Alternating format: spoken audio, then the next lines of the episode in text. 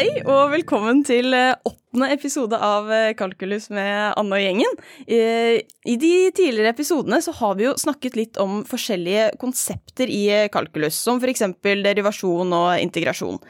Men i denne episoden så skal vi snakke enda mer om hvorfor vi trenger å lære om disse temaene, og, gå gjennom noen eksempler på anvendelser. Eh, og den fra gjengen min jeg skal eh, snakke om dette med, er Fred Espen Bent. Velkommen hit. Takk. Kan ikke du fortelle litt eh, om deg selv?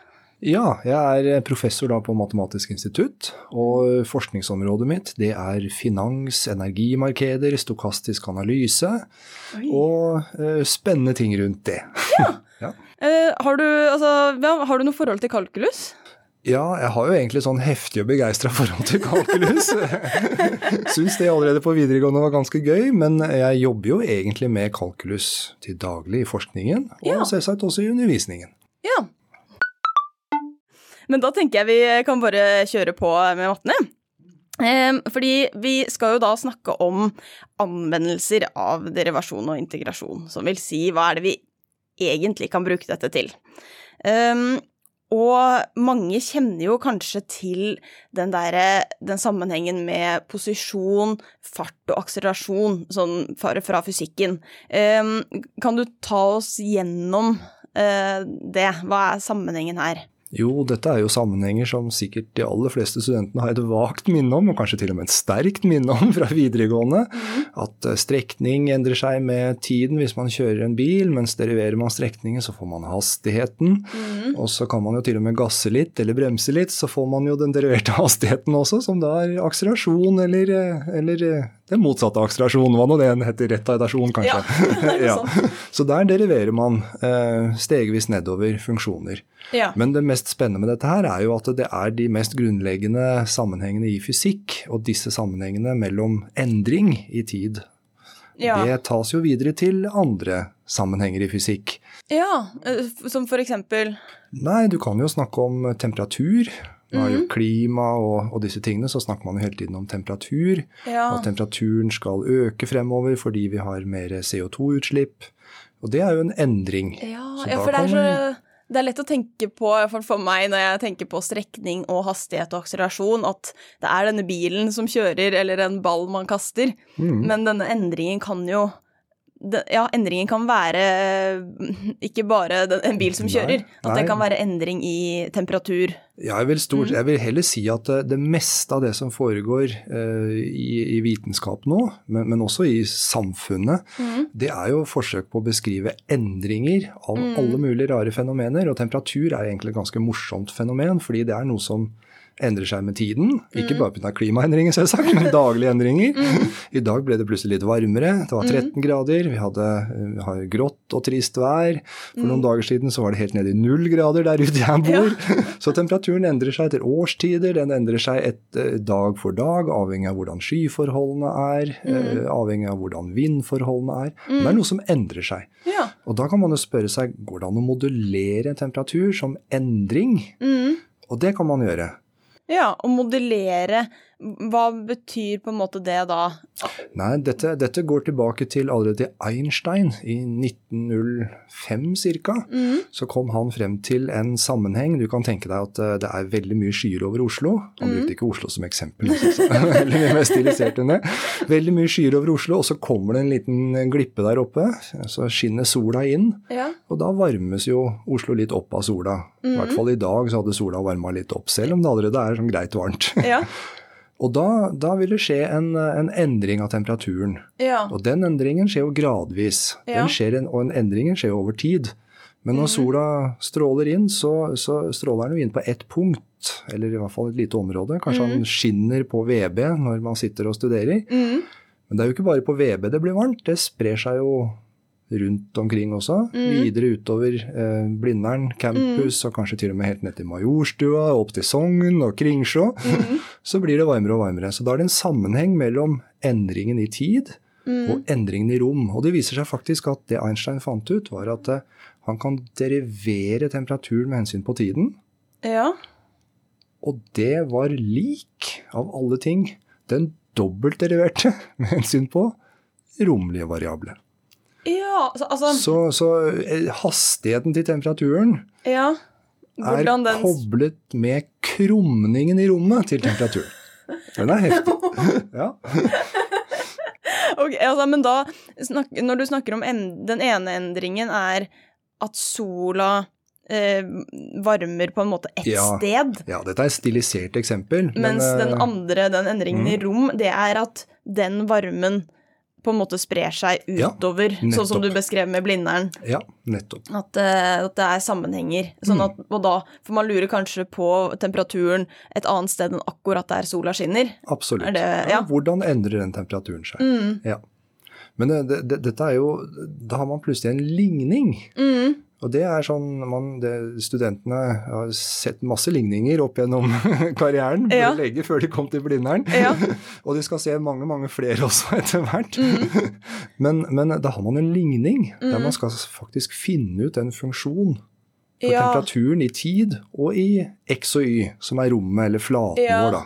Ja, så fordi denne ligningen, den sa du hadde med Altså, den, det er den deriverte, eller endringen, Mm, av denne temperaturen mm, som er i denne ligningen. ja, Mens vi vil finne den funksjonen Ja. som dette her er den deriverte Ja. av. Så hvis, hvis, vi, hvis det skinner veldig sterk sol på Blindern, og det begynner å varme seg opp her, Mm. så kan vi begynne oss å spørre oss uh, tett skydekke over Kringsjå studentby fortsatt.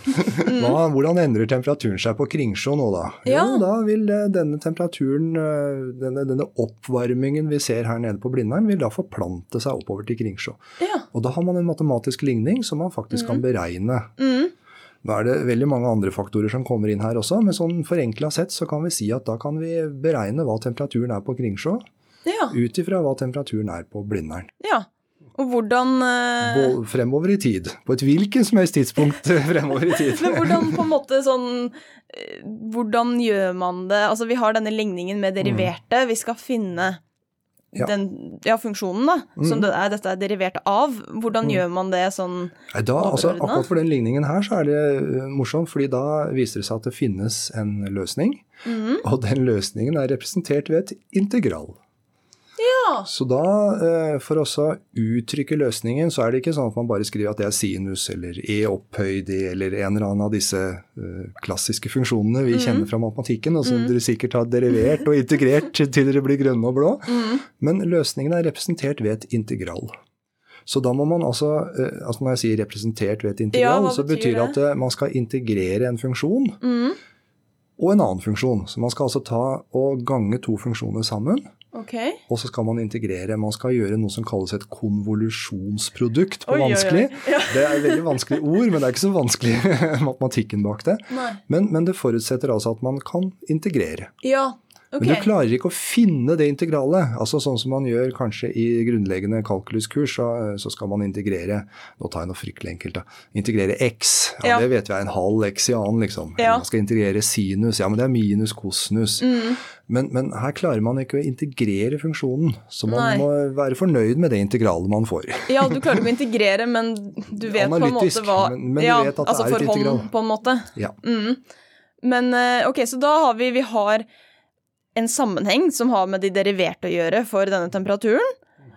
Og så kan vi bruke integrasjon til å finne denne faktiske funksjonen, da. Ja. Og dette er sånn som man faktisk gjør. Mm. Dette er ikke Nei, dette, dette er eh, eh, Altså nå, Varmeledningsligningen heter denne ligningen til Mm, okay. Einstein. Den kan vi spinne videre på, men vi kan også spinne videre på denne type temperaturligninger. For det er jo ikke bare temperatur som er interessant, det er jo vind. mm, Og det er eh, fordampning av vann som blir til skyer, altså skyer som regner igjen. ja. Og da får man eh, flere sånne ligninger, og de er mye mer komplekse enn denne ligningen til, eh, til Einstein. ja. Og de er så komplekse at vi ikke engang kan uttrykke løsningen, liksom. Altså vi bare vet at det formel, finnes- Ja, vi klarer liksom ikke å finne noe formel på dette her. Nei. Men, men det som er litt rart, er at vi klarer å vise med matematikk at det finnes løsninger. Det er det der matematikken driver med, å bevise at Ja. noe fins, selv om Ja. vi ikke nødvendigvis kan finne det. Nei, Men altså, hva hjelper det å vite at det fins? Ja, da vet vi i hvert fall at, eh, at vi har stilt opp en modell for virkeligheten der det finnes en løsning. Fordi Ja. vi vet jo bare ved å se ut av vinduet at det finnes et eller annet Ja, der. Er ja, for hvis vi har en ligning for været og og sånn. eh, Ja, hvis Men, vi har en ligning for eh, været i morgen, Ja, så fins det et svar, fordi det kommer til å være et vær i morgen, på en Ja, måte. ja. Mm. Så, men, men eh, det som er morsomt her, er at man må kunne både derivasjon og integrasjon for å forstå disse ligningene, og for å gjøre seg et håp om å kanskje forstå hva betyr at det er en løsning. Her er det Ja. masse spennende teori som, som kommer inn. Ja. Men det som er viktig for de som faktisk bruker dette her, det er mm. at de vet at problemet er såkalt velstilt. Okay. Det vil si at man har funnet en fysisk modell som har en løsning, og at den Mhm. til og med har en entydig løsning. At det ikke finnes mange løsninger. ja. Fordi vi kan ikke ha mange værsituasjoner på en Nei, gang. det- det er holder med én. Det er bare ett vær. Ja. Så da har liksom matematikken sørga for at dette her er eh, ordentlig og riktig. ja. Og så kan man gå over til en datamaskin og så forsøke også finne den løsningen ved beregninger. Ja, ok, fordi du sa at vi kan ikke finne løsningen sånn analytisk, altså at vi, at vi kan regne det ut for Nei. hånd på en måte. Nei, det er ikke Men sånn vi at kan du få hjelp av en datamaskin til å Altså, kan den finne løsningen? Ja, den kan i hvert fall finne en tilnærming til løsningen. Så Ja. da, da, men eh, for å finne den tilnærmingen, så må du jo derivere på datamaskinen, og så må Ja. du løse en ligning på datamaskinen. Ja. Så da kommer man borti det som kalles numerisk derivasjon. Ja, altså numerisk er numerisk betyr på en måte Ja, det er et veldig kult begrep, numerisk ok, derivasjon. Men hvis man tar definisjonen av derivasjon, Mm. Så Ja, den, liksom den med den ja, at man deler grensen. Grensen, ja. Eh, ja. ja. Så stopper man litt før man kommer til null, da, liksom. Ja, ja, det, Ja. det helt går Det var ikke den helt på numeriske Okay. Ja, og den kan jo både gjøres mot eh, tid og mot eh, de romlige variablene i varmeledningsligningen. Og da får man et såkalt numerisk skjema, eller en mulighet for datamaskinen å regne ut stegvis fremover og i, i rommet. Ja, så da kan vi Den kan på en måte gi oss altså Dette er sånn som værmelding, da. Dette er værmelding, ja. At det er ikke helt det er ikke alltid helt riktig, og folk Mm. blir noen ganger litt sure på at det er feil. Ja. Men det er fordi at det er en datamaskin som må gjøre det, og eh, den må gjøre det det, det blir en tilnærming. Ja. Den har ikke en helt Og det, eh, og det, datamaskinen, løsning. datamaskinen må da regne fortere enn den værmeldingen vi skal ha. Da. Så værmeldingen for i morgen må være klar før i morgen. ja.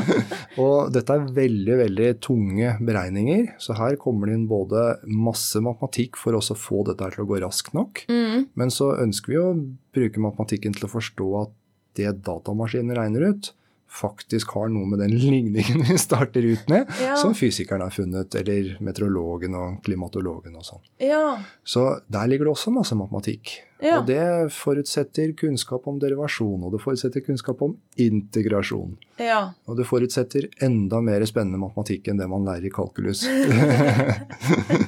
det forutsetter også eh, beregninger, altså numerikk eller informatiske fag. da. Man må Mm. kunne programmere og sånn. ja.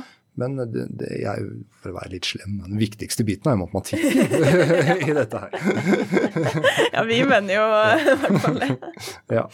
Men for å komme tilbake til varmeledningsligningen. Mm. Nå hører jeg at jeg bare skravler av gårde her med alt mulig spennende. Mm. Så, så har den, det Einstein fant ut, det var at den kom fra altså Hva er temperatur? Jo, det er jo egentlig bevegelse av molekyler. Mm. Så desto raskere molekylene beveger seg, desto varmere er det et eller annet. Ja. Og det han fant ut, var at disse molekylene krasjer jo med hverandre. Ok, ja. Ja, så Så hvis du tenker molekyler i luft, da de krasjer i hverandre. Ja. Så kan lufta bli varmere eller kaldere avhengig av hvor fort og hvor mye de krasjer. Mm. Men eh, når de krasjer, så skjer det veldig mye tilfeldig. De bare krasjer. Er Sånn, sånne biljardkuler som liksom kolliderer, og så går de i en eller annen retning. Ja. I hvert fall hvis du ikke er så god til å spille biljard, Ja.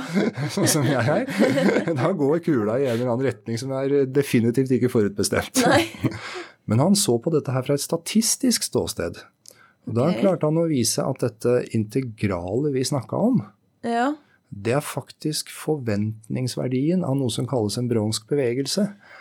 Oi, oi, oi. Og da er man inne på statistikk, og da er man inne på såkalte stokastiske prosesser. Ok, og, Og hva det er, betyr det? eh, det er virrevandring. Det er en, eh, en type stokastisk prosess. Okay. Og så var det noen som fortalte meg en gang at hva er virrevandring? Jo, det er når du sjangler bortover gata. Kanskje etter litt for mye moro nede på puben i Bl- Blindern i kjelleren. Ja. Da er det liksom virrevandring. Man går litt sånn tilfeldig i alle mulige retninger. Ja. Men uh, i snitt så går det rett frem, men du går liksom litt sånn tilfeldig. Ja, men du går litt ut til sida, og så Ja. litt uh, Og det hele er litt tilfeldig, det er ikke helt forutbestemt. Nei. Og sånn er det med disse molekylene også. De spretter kanskje ikke bare til høyre og venstre, litt sånn tilfeldig, men i alle mulige retninger i planet. Ja. Og da tok Einstein rett og slett snitt over alle disse her. Uh, uh, gjennomsnittet Gjennomsnittet. av alle Hva da? Alle posisjonene til Ja. disse partiklene Ja. etter en viss tid. Ja. Og så kunne han jo kjøre tiden fremover, så kunne han ta gjennomsnittet litt seinere.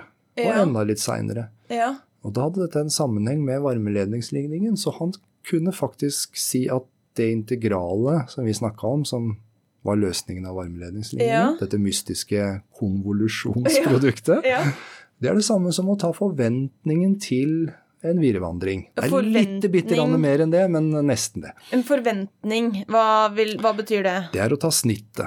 Ta Ja. gjennomsnittet. Men nå snakker vi om det matematiske gjennomsnittet. Ja. Der du tar gjennomsnittet ikke bare over ti mulige tilstander eller hundre eller noe sånt noe, men over et kontinuum av tilstander. Ja, fordi det er vi er jo vant til å Vi er vant til å Når vi skal regne ut gjennomsnitt, så har du et visst antall verdier, og så legger du de sammen, og så Ja. deler du på antall Ja. verdier. Ja, Ant, ja. Mm. Så det, Men det her er sånn eh, er det litt verre enn det. her er det litt verre enn det. Her kunne du, eh, Hvis du starter med terningkast, som er det vanlige, Ja. så, så når du kaster et 100 terningkast, så kan du regne ut gjennomsnittet av det terningen har vist. ja. Eh, Men så kunne du ha pusha dette litt lenger, ikke 100, men kanskje milliard. ja. Det vil du kanskje ikke gidde. Nei. Men kanskje uendelig mange. Det vil du ikke få til. Nei. Men når du har tatt uendelig mange terningkast, så begynner du å nærme deg det som er et gjennomsnitt. Fordi du har Ja. uendelig mange mulige utfall av disse, Mm. ikke terningene, men disse molekylene. Ja. Og det, det er litt vanskelig å tenke på, men det er på en måte den matematiske måten å tenke fremover på. Ok. Fordi um, det er jo mulig vi roter oss bort i masse Mm. ting her, men, men eh, hvis vi har kasta 100 terningkast, så kan vi jo loggføre hva terningen viser. Ja, vi kan, ja, så du kaster en terning, og så kan du bare skrive opp hva den viser. Ja, Mm. Og så kan du ta summen av alle de øynene på terningen du fikk i hvert kast. Mm. Bare summere opp over hvert kast. Fikk én i første kast, seks i neste kast, fem i neste kast igjen. Mm. Da har du hatt tre kast, og da fikk du fem pluss seks pluss én. Det skulle jo bli tolv. så kan du dele på tre, da får du fire. Mm. Ja, det er jo ikke helt snittet, eh, for snittet er vel 3,5, tror jeg. Ja, ja det der det- hvis Du kan jo aldri få 3,5, men det er iallfall Nei. Mm. snittet. Men, men uansett, når du kaster den terningen, så vil du mest sannsynlig aldri få et gjennomsnitt på 3,5. Nei. Du vil få kanskje 3,52 eller 3,49, eller du vil hele tiden få et eller annet tall som begynner å nærme seg 3,5. Ja. Mens uh, hvis vi skulle sett fremover i tid, Mm. når vi skal spå været fremover, eller spå hva er Hva forventer du å få på terningen? Ja. Da ville en matematiker si at jeg forventer at du får 3,5 på terningen. Ja, Ja, og så vil en som ikke er matematiker si at det er ikke Det er bare mulig. vrøvl. Ja, men 3,5 er det snittet du får hvis du kunne holde på inn i evigheten Ja. og kaste terningen. Ja. Så det er forventningsverdien. Så det er når vi ser fremover. Ja. Ja. for dette er før vi på en måte har kastet terningen. Ja.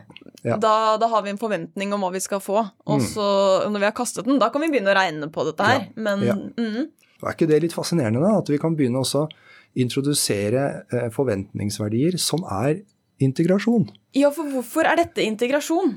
Jo, fordi det er Når du integrerer, så summerer du. Egentlig. Ja. Det er jo sånn dere lærte definisjonen av integrasjon. Det er Ja, egentlig en sum. Det det er er, jo en sånn areal ja, under en snakket om areal, men Ja. hvorfor. Men når dere satte opp dette arealet Ja. Dere, sier jeg, det gjorde jeg også da jeg var student. når man satte opp dette arealet, så lager man seg sånne stolper, ikke sant. Ja, vi, Og så ja man lager sånne stolper i verste fall. Ja, sånne Ja. rektangler under Rektangler, grafen. ja. Mhm. Rektangler under grafen. De Ja. har en høyde og en bredde. Ja. Ja, så hvis dere bare eh, Hver gang man kaster terningen, så har man på en måte fått sånn, en sånn høyde, og så kan man legge disse høydene sammen. Hver gang du får en treer, så kan du liksom stolpe dette oppå hverandre. ja. Så, så dette er jo et slags gjennomsnitt, fordi man summerer. Ja. Og hvis du hadde, hvis du hadde delt ut på lengden av disse stolpene bortover, Ja. så hadde du ikke funnet areal under grafen, men du hadde funnet gjennomsnittsverdien til funksjonen. Ja, for jeg tar bort på en måte, eller deler på bredden Ja. til dette Ja. ikke, Det er jo ikke ett rektangel, men alle disse rektanglene. Mm.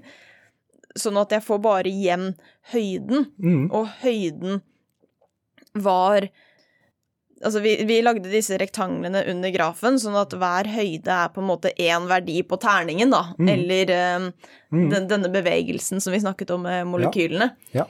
Sånn at vi da faktisk får et gjennomsnitt Mm. over disse bevegelsene. Ja. Og akkurat den måten å tenke på, det er det som dukker opp senere når dere skal ta statistikk og forståelse av data. Fordi data er jo som terningkast, det er bare endelig antall av de. Men så ønsker man å bruke Ja. dataene til å lage noe, kan vi si noe om fremtiden basert på dataene? Ja. Nå har vi kasta terning. Det er Ja. veldig sånn, ja ja, alle Ja, det- kaster terning. Det det er kjedelig. Men, men det er faktisk en veldig sånn enkel illustrasjon av hva som faktisk foregår i vitenskap. Nå Ja. I klimamodellering nå, Mm. eller klimaanalyse eller klimavitenskap, Mm. så har man massevis av data. Mm. Og så forsøker man å få disse dataene inn i noen av disse avanserte, store modellene, litt à la den varmeledningsligningen. Ja. Men så vet man at det er noe usikkerhet, noe tilfeldig. Det er som terningen, vi vet jo ikke eksakt hva som skjer på terningen, men vi kan jo si litt om hva som skjer. ja.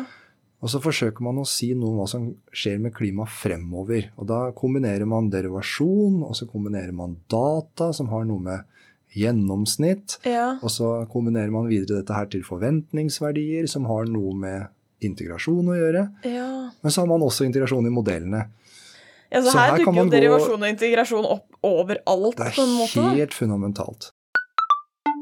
Um, men jeg, jeg tenker kanskje vi kan uh, gi oss med matten for denne gang, jeg. Ja, vi må gjerne fortsette, kanskje et par timer til, for dette er jo så gøy å snakke om. Men jeg forstår at vi må ja. Men jeg har ett spørsmål eh, til, da, som jeg pleier å stille til eh, alle gjestene mine. Mhm. Ehm, og det er uh, hvis kalkulus var et dyr, hvilket dyr ville det vært? Oi. nå. Altså nå eh, Det var et vanskelig spørsmål! Det har jeg aldri tenkt på før. Men nå, jeg, jeg, jeg, altså, familien vår har hatt en hund som vi var veldig glad i, men jeg er i utgangspunktet et kattemenneske. Jeg liker okay. katter litt bedre enn hunder. Så jeg vil si det er en katt, fordi det er noe veldig veldig smart og veldig lurt. Og det er litt sånn egenrådig, fordi denne katten smyger seg rundt i eh, alle mulige anvendt matematikkproblemer. Og den, den følger litt sitt eget løp, fordi det er så mye matematikken kan gjøre. Mm. Nå er jeg på vidvanka, altså når det gjelder er- bilder her, er men den, er, den, den, gjør sånn som, den gjør som den vil. Og så Mhm. må naturen ofte kanskje følge matematikken. Ikke for at vi tvinger matematikken på naturen, men naturen er så, eh, matematikken er så kraftfull. Ja. Mens en hund gjør som vi vil. Og det er ikke Ja. alltid det er så lurt. matematikken gir oss overraskelser. Ja, Det var kjempebra, kjempebra svar. ok. Men takk for at eh, du kunne være gjest i podkasten. Jo, takk for invitasjonen. Det var kjempegøy å få lov å snakke. Og til deg som har eh, hørt på. Vi eh, høres igjen neste uke.